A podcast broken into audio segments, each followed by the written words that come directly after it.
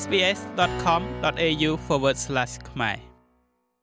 ផែនការរបស់រដ្ឋាភិបាលអូស្ត្រាលីនៅក្នុងការបើកប្រទេសនេះឡើងវិញគឺខិតជិតដល់ជំហានបន្ទាប់មួយទៀតហើយលោកនាយករដ្ឋមន្ត្រី Scott Morrison បានប្រកាសពីផែនការដែលអនុញ្ញាតឲ្យអ្នកដំណើរនិងអ្នកកាន់ទឹកធការអន្តរជាតិច្រើនជាងមុនអាចចូលមកក្នុងប្រទេសនេះបានឡើងវិញ ចាប់ពីដើមខែក្រោយនេះតទៅ អស់រយៈពេលជិត2ឆ្នាំមកហើយដែលពួកគេត្រូវបានហាមឃាត់ជាប់គាំងហើយមិនប្រកាសថាតើពួកគេនឹងត្រូវបានអនុញ្ញាតឲ្យចូលមកក្នុងប្រទេសអូស្ត្រាលីវិញនៅពេលណានោះទេប៉ុន្តែនៅទីបំផុតលោកនាយករដ្ឋមន្ត្រីបានកំណត់ការបដិឆេទសម្រាប់អ្នកកាន់ទឹកតការមួយចំនួនឲ្យចូលមកក្នុងប្រទេសអូស្ត្រាលីវិញបានហើយ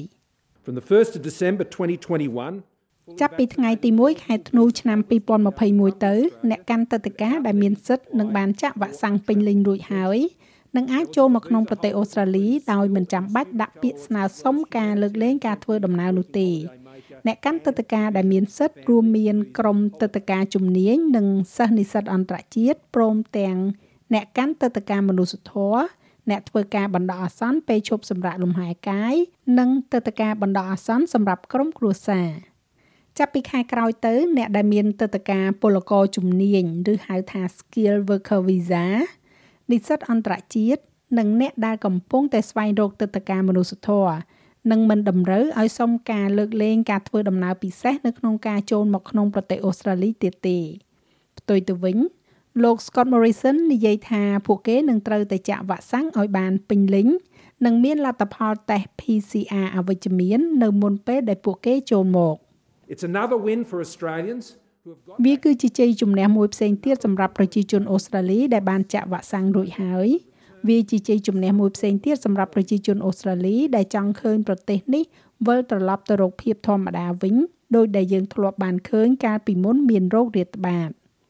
លោកមានប្រសាសន៍ថាបច្ចុប្បន្នមានមនុស្សប្រមាណ200,000នាក់ដែលស្ថិតនៅក្នុងប្រភេទទឹកតការទាំងនេះហើយរងចាំចូលមកក្នុងប្រទេសអូស្ត្រាលីនៅក្នុងឆ្នាំហិរញ្ញវត្ថុក្រោយ។ My understanding is we're expecting probably around about 200 បើតាមខ្ញុំដឹងគឺយើងរំពឹងថានឹងមានមនុស្សប្រមាណ200,000នាក់ឬក៏ប្រហាក់ប្រហែលនោះដែលមានប្រភេទទឹកតការជំនាញនិងទឹកតការផ្សេងទៀតដែលយើងសង្ឃឹមថានឹងទទួលយកពួកគេឲ្យចូលមក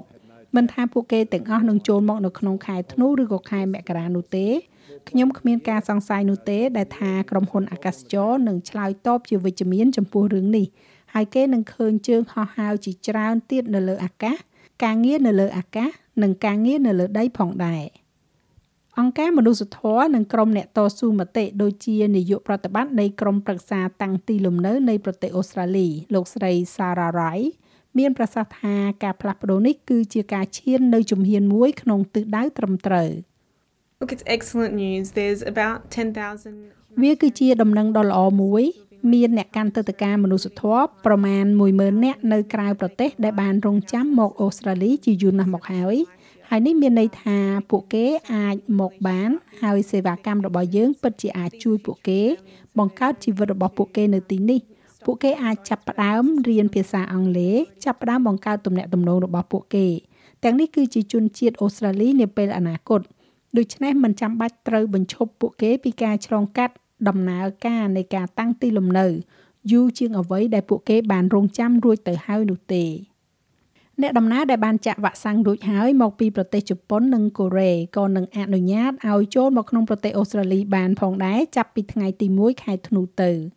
នេះគឺជាការបើកបន្ថែមពីលើអ្នកដំណើរដែលបច្ចុប្បន្នអាចធ្វើដំណើរបានមកពីប្រទេសសង្ហបុរីគឺតាំងពីថ្ងៃទី21ខែវិច្ឆិកាមក។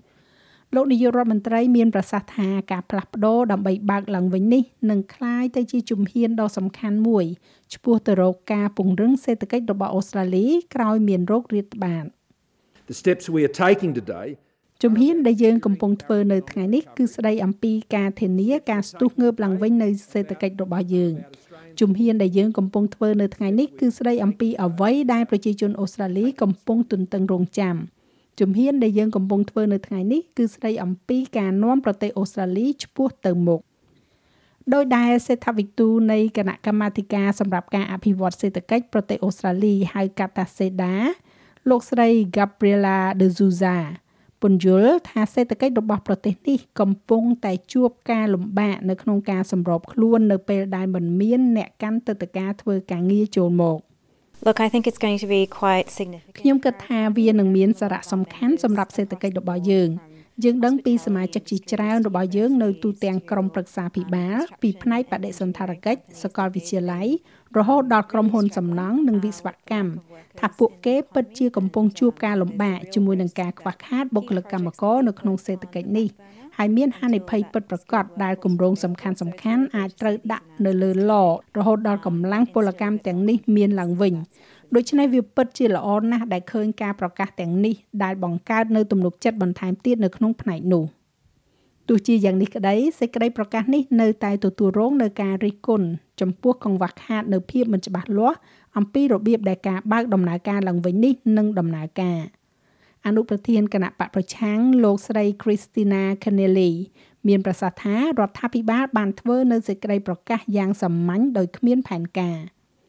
What we saw today from Scott Morrison អ្វីដែលយើងបានឃើញថ្ងៃនេះពីលោក Scott Morrison គឺជាការប្រកាសដោយមិនមានព័ត៌មានលម្អិតព្រំដែនត្រូវបានបិទអស់រយៈពេល2ឆ្នាំហើយហើយយើងនៅតែមានផែនការសម្រាប់ការបើកឡើងវិញសម្រាប់អន្តោប្រវេសន៍អ្វីដែលយើងបានឃើញនៅថ្ងៃនេះគឺគ្រាន់តែជាការប្រកាស ដោយគ្មានការចែកចាយ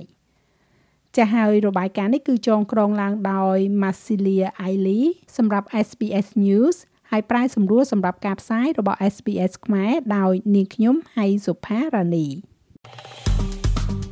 ចុច like share comment និង follow SBS ខ្មែរនៅលើ Facebook